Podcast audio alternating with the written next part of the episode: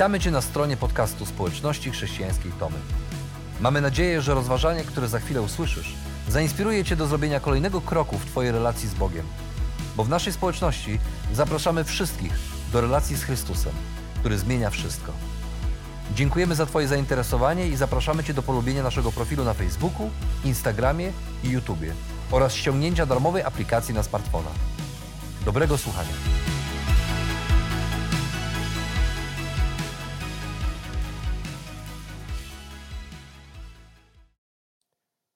Prawdziwa nadzieja pomaga przetrwać, kiedy okoliczności są beznadziejne. Wtedy właśnie nadzieja staje się siłą. Tak powiedział Gilbert Chesterton. I to prawda, bo kiedy wszystko się układa, kiedy wszystko idzie po naszej myśli, e, to jakoś nie czujemy wielkiej potrzeby, żeby sięgać i kurczliwie utrzymać się nadziei, bo przecież wszystko jest ok. Dopiero kiedy wszystko zaczyna się walić, dopiero kiedy okoliczności wydają się być beznadziejne, a wtedy sięgamy po nasze pokłady nadziei i liczymy na to, że wydarzy się coś, co nas wyratuje. Nadzieja zapiera, zaczyna za, nabierać w nas sił, jest tym, co pomaga nam przetrwać. A problem jest tylko wtedy, kiedy pomoc i ratunek, na który czekamy, nie nadchodzą wtedy, kiedy byśmy tego oczekiwali. Kiedy nasze czekanie wydłuża się, nasza nadzieja potrafi słabnąć. Dokładnie tak było w przypadku Tomka Komendy. Tomek Komenda został skazany za gwałt i morderstwo na 15-latce. Został skazany na, za zbrodnie, których nigdy nie dokonał. Poszlakowe dowody, chybione oskarżenia i chęć szybkiego zamknięcia sprawy sprawiły, że Tomek Komenda został skazany na 25 lat pozbawienia wolności. I kiedy trafił do więzienia, liczył na to i czekał na to, że pojawi się ktoś, kto przyniesie mu ratunek i wolność. Ostatnio w wywiadzie zapytany, e, kiedy stracił nadzieję, powiedział, że stracił ją po 10 latach. Po 10 latach, kiedy, był, kiedy nad nim się znęcano, kiedy był e, fizycznie i psychicznie molestowany w więzieniu, po 10 latach, kiedy nadzieja na początku była silna, po 10 latach ona osłabła. Osłabła do tego stopnia, że Tomek stracił wszelką nadzieję. I wiedział, że jest w beznadziejnej sytuacji patrzył na swoje życie i widział beznadzieję tak wielką, że postanowił zakończyć to wszystko. Trzykrotnie próbował pozbawić siebie życia. Na jego szczęście to były nieudane próby samobójcze. Aż w końcu, w najbardziej ciemnym, najbardziej beznadziejnym miejscu jego życia, odwiedził go policjant, o którym mówi, że od niego biła, było wyjątkowe ciepło. I ten policjant powiedział, że są dowody na jego niewinność. Ten policjant przyszedł do Tomka ze słowem nadziei, że jest dla niego możliwość ratunku. I niedługo po tym Tomek odzyskał wolność. I podobnie jest w historii, której będziemy się dzisiaj przyglądać. Historii, która e, jest początkiem naszej nowej serii kazań, cztery perspektywy. Serii, która pomoże nam właściwie spojrzeć na to, co najważniejsze. Coraz bliżej święta. To jest melodia, która co roku, to są trzy słowa, które co roku budzą w nas wiele radości i nadziei, kiedy czekamy, kiedy jest moment Adwentu i czekamy na nadchodzące święta, ale w tym roku, w tym roku jest troszkę inaczej. W tym roku być może ta melodia nie budzi w nas wcale radości i nadziei. Być może ta melodia w tym roku budzi raczej pytania, bo nie mamy pojęcia, jakie będą te święta Bożego Narodzenia. I pośród tych znaków zapytania, bo nie wiemy, jakie te święta będą. Być może to jest właśnie idealny moment, żeby spojrzeć i przyjrzeć się na to, co najważniejsze. Nie jakie będą święta, ale jaki jest Jezus. Przez najbliższych kilka tygodni będziemy patrzeć na Jezusa z czterech perspektyw, ponieważ ciężko jest znaleźć jeden sposób, żeby opisać to, kim On jest, jaki jest i co dla nas zrobił. Będziemy patrzeć oczami ewangelisty, będziemy patrzeć oczami teologa, wizjonera, a dzisiaj spróbujemy spojrzeć na Jezusa oczami proroka Micheasza, chociaż on sam na własne oczy Jezusa nie zobaczył. Żeby to zrobić, musimy się cofnąć 2700 lat wstecz, do momentu, kiedy mieszkańcy Judei, ludzie wybrani przez samego Boga, tak jak Tomasz Komenda, znaleźli się w bardzo beznadziejnej sytuacji. Tylko w przeciwieństwie do Tomka, oni byli winni. W VIII wieku przed naszą erą, za czasów panowania królów judzkich Jotama, Achaza i Hiskiasza, naród wybrany przez Boga żył tak, jakby nie miał nic wspólnego z Bogiem. Mimo tego, że Bóg jasno pokazał, jak żyć, dał wskazówki, jak mają postępować, oni, oni wiedzieli lepiej, jak żyć i żyli po swojemu, oddalając się od Boga coraz dalej, zupełnie o nim zapominając. Król Ahaz wprowadził kult pogański, a sam nawet złożył w ofierze pogańskim bogom swojego własnego syna. Tak daleko od Boga oddalili się jego ludzie. To był ciemny okres w ich historii. A na domiar złego do ludzi dochodziła wieść o niebezpieczeństwie. Byli to Asyryjczycy, którzy na wschód od Izraela podbijali coraz więcej terenów, umacniali się, stawia, stawali się dla innych królestw poważnym niebezpieczeństwem i mieli wielkie ambicje, żeby podbijać kolejne i kolejne e, tereny. I to właśnie robili. Siali strach, siali terror, kipili okrucieństwem i zdobywali świat kilometr po kilometrze, wioska po wiosce i mieszkańcy Judei wiedzieli, że jeżeli to się nie zatrzyma, to oni też padną ofiarą ich, ich podbojów. I chociaż tak świetnie odczytali niebezpieczeństwo, które nadchodziło, nie potrafili odczytać tego, że to był sam Bóg, który dobijał się do nich i próbował o sobie przypomnieć. W ich przypadku nawet trwoga nie popchnęła ich do Boga. A skoro oni nie chcieli przyjść do Boga, Bóg postanowił przyjść do nich Dlatego wysłał swojego proroka, proroka Micheasza. I dlatego, kiedy otwieramy księgę e, Micheasza, czytamy o tym, jak mówi on, że nadchodzi wielki Bóg, dosłownie kroczy po ziemi, a góry się pod nim rozpływają, ale wcale nie przychodzi z ratunkiem, nie przychodzi z odsieczą, ale przychodzi, aby sądzić a będzie sądził ich za ich grzechy, których, jak się okazuje, jest naprawdę wiele. Ponieważ jak czytamy dalej Księgę Michała, widzimy, jak oskarża on przywódców o kradzież, skąpstwo, korupcję, naginanie sprawiedliwości na rzecz bogatych, pozbawianie biednych ziemi i nadziei i bezpieczeństwa. Proroków oskarża o to, że obiecują przychylność tym, którzy za to dobrze zapłacą. I Michał przestrzega ich, ale nikt nie chce go słuchać. Prorokuje o tym, że przyjdzie Bóg i przyjdzie z sądem, a tym sądem będą właśnie Asyryjczycy, a później Babilończycy, którzy kawałek po kawałku zniszczą ich kraj i zabiorą ich do niewoli.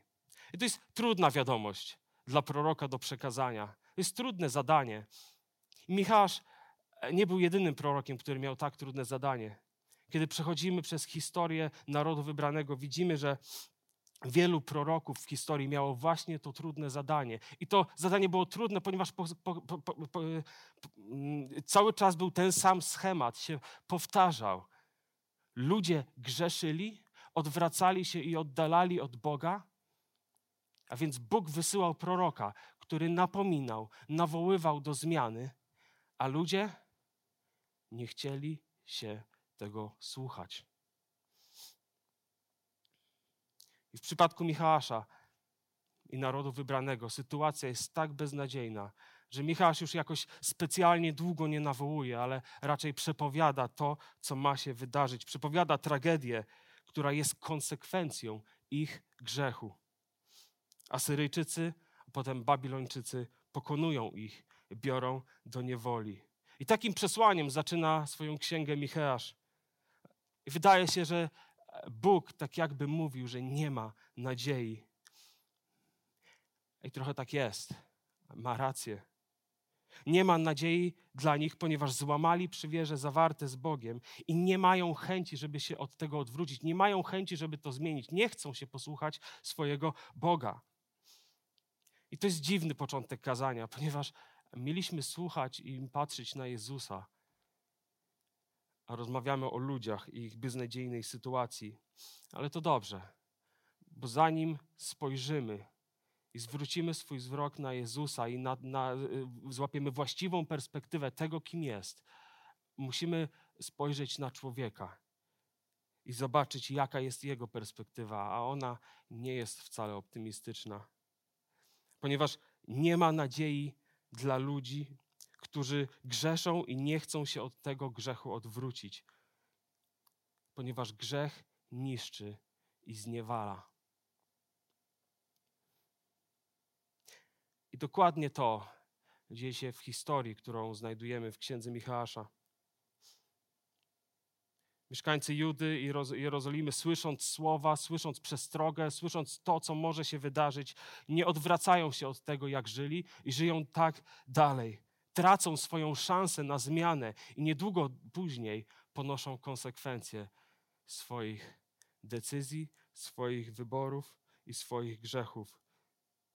Dzieje się dokładnie to, co przepowiedział Micheasz. Oni trafiają do niewoli.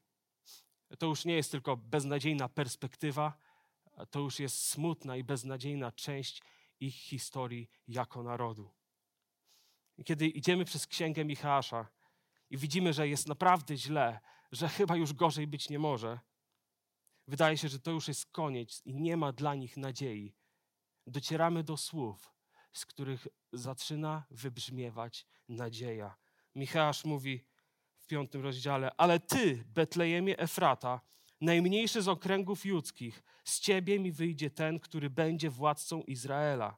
Początki jego od prawieku, od dni zamierzchłych, dlatego wyda ich aż do czasu, gdy ta, która ma porodzić, porodzi. Potem reszta jego braci wróci do synów Izraela, będzie stał mocno i będzie pasł w mocy Pana, w chwale imienia Pana, swojego Boga. Wtedy będą mieszkać w spokoju, gdyż jego moc będzie sięgać aż po krańce ziemi i on będzie pokojem. Jeszcze przed chwilą wydaje się, że wybrzmiewał raczej głos Boga, który mówi, że nie ma nadziei. Czytamy słowa, które wydają się tu nie pasować. Ale kiedy przyjrzymy się tym słowom, Michał nie mógł znaleźć lepszego momentu, żeby właśnie to powiedzieć. Ten fragment pokazuje nam pre, piękną prawdę o Bogu. Pokazuje nam, że chociaż człowiek zgrzeszył, chociaż człowiek zmarnował mnóstwo okazji do zmiany, Bóg dotrzyma, dotrzymuje swoich obietnic. I chociaż dotąd wybrzmiewała perspektywa beznadziei, tak w tych wybrzmiewa, wybrzmiewają wybrzmiewa nadzieja, kolejna szansa. A tą szansą jest proroctwo o Jezusie, że przyjdzie Zbawiciel. To jest ten głos nadziei, który potrafi dotrzeć do najciemniejszych chwil życia człowieka. Dziewięć lat temu poznałem Izaaka. Kiedy myślę o nim, to widzę chłopaka, na którego twarzy rysował się zawsze szeroki uśmiech. To, czego o nim nie wiedziałem, to to, że jeszcze niedawno za tym uśmiechem krył się smutek, pustka, ból, depresja i cierpienie. Izaak wychował się na Wyspach Owczych i niedługo po tym, jak skończył szkołę i pełnoletność, jego rodzice wyjechali do Anglii, a on postanowił zostać. Jego dorosłe życie bardzo szybko się zaczęło kręcić. E, świeżo po szkole dostał pracę, wymarzoną pracę w modzie i miał przyjaciół, miał wolną chatę i dużo pieniędzy. Miał to, o czym zawsze marzył i zaczął z tego korzystać.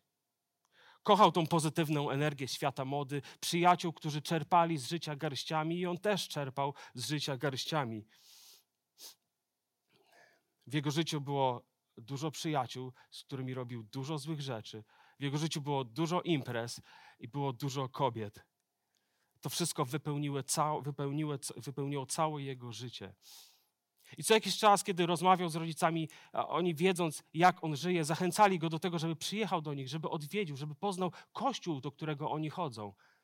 Ale Izaak nie chciał o tym słuchać. Mu podobało się jego życie. On czuł się jak król życia. Aż w końcu ten styl życia zaczął zjadać wszystko to, do czego się zbliżał, i zaczął zjadać go od środka. Kiedy wracał do domu, jego życie tak jakby się zatrzymywało. Wszystkie głupoty, które zrobił, zranienia, które y, y, ludziom uczynił, grzechy, które popełnił. To wszystko uderzało go jak młot, a jego głowę zaczynały wypełniać strach. Strach przed tym, że będzie samotny, i strach przed tym, że dłużej tak nie da rady. A więc znalazł sposoby, żeby zagłuszać te myśli i dalej imprezował, i w jego życiu było jeszcze więcej kobiet. A kiedy wracał do domu i chociaż unikał samotności, to nie da się uniknąć jej, wpuszczał muzykę na maksa, jak tylko się dało, żeby zagłuszyć myśli i strach, które pojawiały się w jego głowie, ale nie udało mu się. Jednego dnia relacje, które popsuł, krzywdy, które uczynił, głupoty, które zrobił, strach przed samotnością, poczucie beznadziejności, wszystko go uderzyło tak mocno, że chwilę później znalazł się na dworcu kolejowym. Wtedy właśnie pomyślał: Wszystkie moje relacje są zniszczone, nie mam nic. I chyba nikt nie będzie po mnie płakał, jak skoczę.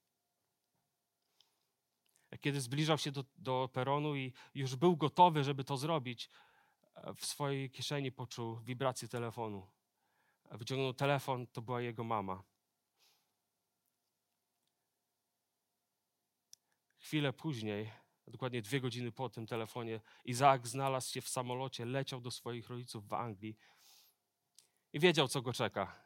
Wiedział, że rodzice wierzą w Boga i że chodzą do kościoła i będą go chcieli do tego wszystkiego przekonać, a on sobie pomyślał: pożyczę od nich trochę kasy, wrócę i spróbuję jeszcze raz.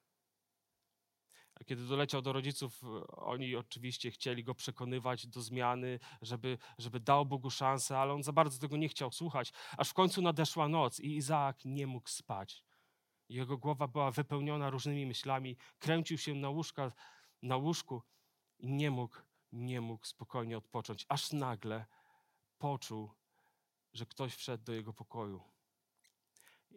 I on wiedział nie miał wątpliwości, że był to sam Bóg, który go odwiedził. Bóg, który powiedział: "OK, chłopaku, wstań, zacznijmy jeszcze raz.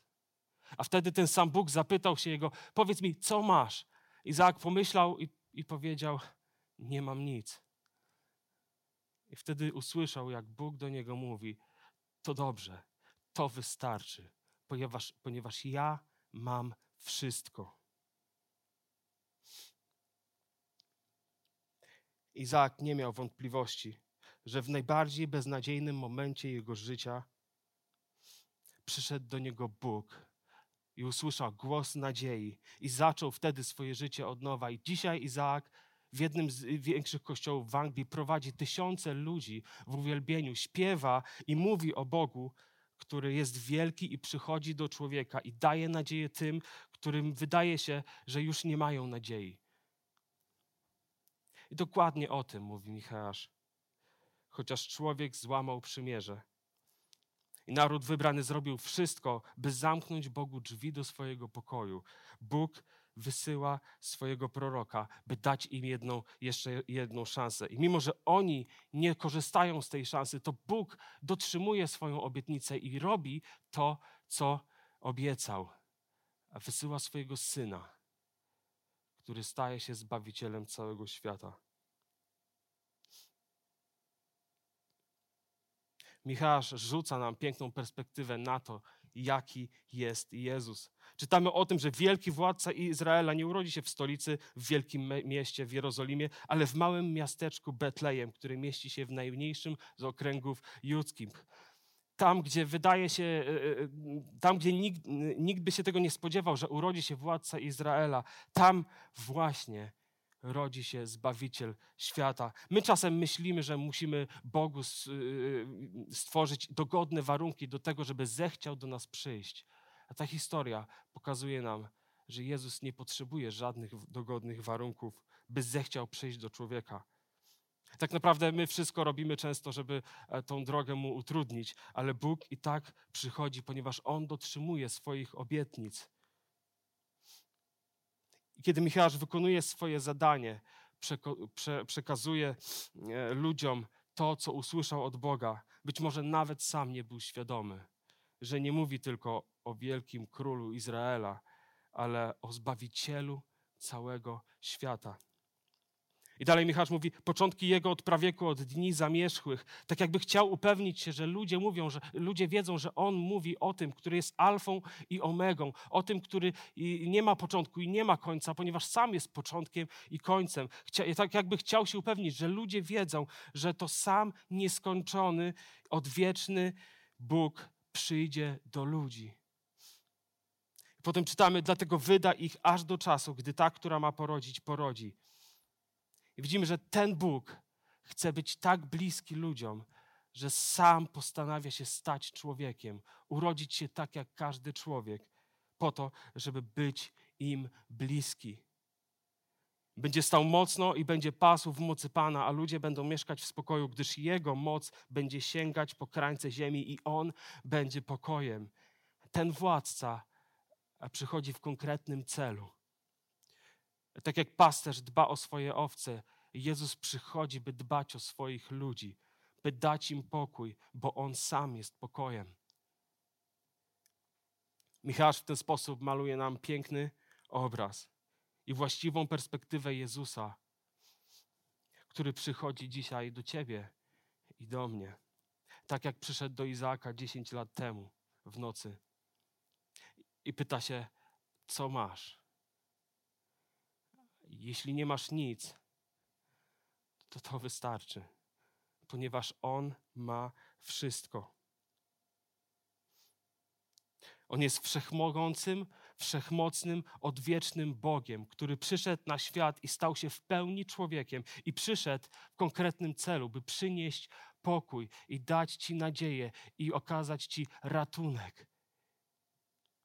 Jezus stał się ucieleśnieniem Boga tutaj na ziemi. Taki obraz i perspektywę Jezusa maluje nam Micheasz. I dzisiaj, dzisiaj nie trzeba być prorokiem, żeby to zobaczyć. Dzisiaj wystarczy przerzucić kilkadziesiąt kartek do przodu w Bibliach i przeczytać o tym, że to proroctwo wypełniło się, że Jezus naprawdę przyszedł na świat i nawet przerasta, przerasta wizję Michała. Nie tylko przyszedł do narodu wybranego, ale przyszedł do każdego człowieka. Przyszedł, by dać ratunek każdemu człowiekowi, tobie i mi. To się wydarzyło. Dziś ciężko jest z tym dyskutować, a wielu z tych, którzy próbują udowodnić, że to jest bajka, dochodzą do wniosku, że to jednak jest prawda. Jezus się urodził. Czytamy tą historię i uczymy się, że jednak jest nadzieja. Ponieważ mimo, że człowiek zgrzeszył, Bóg dotrzymał obietnicy i przyszedł, by go zbawić. To jest ten głos nadziei, który przebija się pomimo beznadziejnych okoliczności. Nie wiemy, czy mieszkańcy Judei, kiedy szli do niewoli, wspominali te słowa, wspominali to proroctwo. Wiemy, że chociaż mieli wiele szans, nie skorzystali z nich. A mimo to Bóg i tak dotrzymał swojej obietnicy, bo taki właśnie On jest. Wielu ludzi słyszy te słowa i myśli sobie, jaki ratunek, jaka nadzieja, jaki pokój. Minęło 2700 lat od tego proroctwa, minęło 2000 lat od tego, jak Jezus się urodził, a świat, świat się jakoś nie zmienił. Dalej ludzie ranią ludzi, dalej są choroby, wojny, cierpienie. Wystarczy spojrzeć na ten rok. Wydaje się, że gorzej być nie mogło. O jakiej nadziei mówimy? Szpitale przepełnione. Ludzie tracą pracę. Biznesy upadają. Ludzie chorują. Ludzie umierają. Jaka nadzieja? Wydaje się, że jedyną nadzieją dla tego roku jest to, żeby on się w końcu skończył, ale nie wiemy, jaki będzie następny. Patrzymy na to wszystko, co się dzieje wokół, i być może to nas mocno nawet dotyka, i myślimy sobie, jest beznadziejnie. A być może patrzysz na swoje życie i przypominasz sobie zranienia, których doświadczyłeś. Przypominasz sobie ten moment, kiedy zostałeś oszukany, zdradzona, okłamany, wyśmiany i myślisz sobie, a moje życie jest beznadziejne. Albo patrzysz głębiej, patrzysz na siebie samego i widzisz głupie decyzje, których, które podjąłeś. I widzisz ludzi, których ty zraniłeś. Widzisz grzech, który ciebie niszczy. I myślisz sobie, ja jestem beznadziejny. Dzisiaj Bóg, który jest wierny swoim obietnicom, chce dać Tobie nadzieję. Ten, który jest spokojem, może przyjść i wnieść pokój do Twojego życia. Nieważne, co się dzieje wokół, nieważne, co ktoś Tobie zrobił i nieważne, co Ty zrobiłeś innym i co narobiłeś w swoim życiu. Chesterton, którego cytowałem na samym początku, a powiedział tak: Baśnie nie mówią dzieciom, że smoki istnieją. Dzieci to już wiedzą. Baśnie mówią o tym, że smoki można pokonać. A często wydaje się, że smoki, które są wokół nas, są silniejsze i że sami nie damy rady. Historia narodu wybranego pokazuje, że to jest prawda. Że smoki, które są wokół nas, są silniejsze i sami nie damy rady, ale nie musimy być sami i nie musimy walczyć sami, ponieważ przyszedł ten, który ma wszystko. Michał kieruje nasze oczy na Jezusa, na tego, który ma wszystko, na wszechmocnego, odwiecznego króla, który przynosi pokój i nadzieję tam, gdzie ich nie ma. I to samo może zrobić w Twoim życiu. Tylko nie bądź jak ludzie, którzy tracili kolejną i kolejną szansę. Pomimo tego, że być może Ty straciłeś już niejedną szansę, dzisiaj jest idealny moment, żeby odpowiedzieć na ten głos nadziei, głos samego Boga, który mówi, że przyszedł, by zmienić Twoje życie, zmienić je na lepsze.